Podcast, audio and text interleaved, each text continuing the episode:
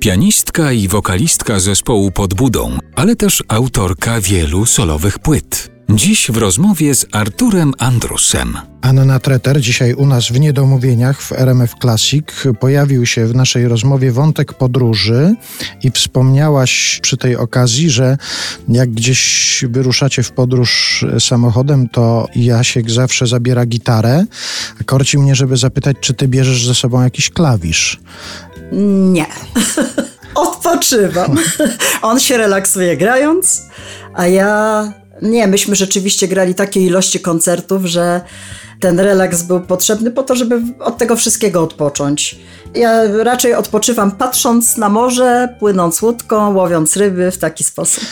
I nie grając w tym czasie. A tu nawiązuje nie. też do części twojej biografii, notki biograficznej. Właściwie jak się otworzy tę notkę biograficzną, to tam się najpierw pojawia określenie pianistka. Dopiero potem wokalistka związana z grupą Podbudą.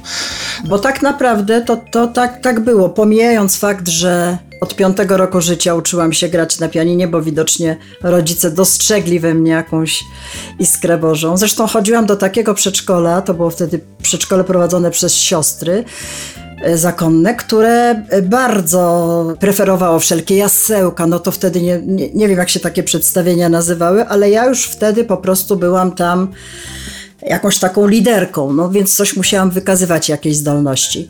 No i zresztą skończyłam na, na fortepianie średnią szkołę muzyczną.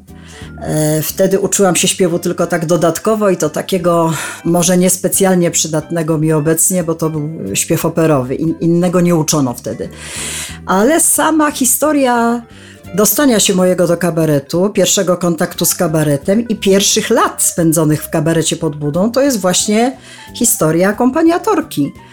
Przez przypadek w pociągu spotkałam Alka Gałkę, jednego z aktorów kabaretu pod budą, który powiedział, że właśnie pianista zakończył studia i wyjeżdża do siebie i potrzebują pianisty.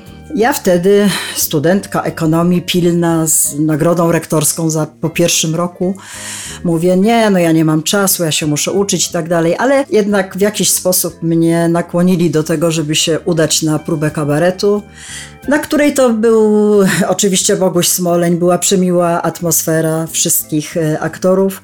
Boguś posadził mnie przy pianie i mówi: Tak, teraz ja śpiewam, a ty grasz.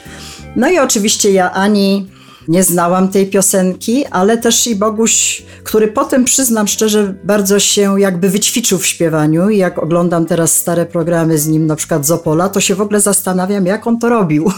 ale wtedy nie bardzo jeszcze się trzymał jakiegoś rytmu, tonacja dla niego nie była taka strasznie ważna, więc to akompaniowanie jemu nie było wcale takie proste. No ale jakoś podołałam, przyklepali mnie.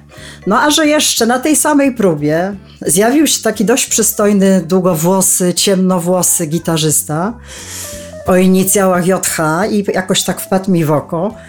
No to sobie myślę, kurczę, no może podołam, pociągnę jedno i drugie i moja kariera studencka w związku z tym faktem przedłużyła się do 8 lat. Mhm. Chyba w ósmym roku dopiero pisałam pracę magisterską. No a to wydarzenie zaważyło na, na całym moim późniejszym życiu. Także ja dopiero po kilku latach y, obecności w kabarecie zaczęłam śpiewać.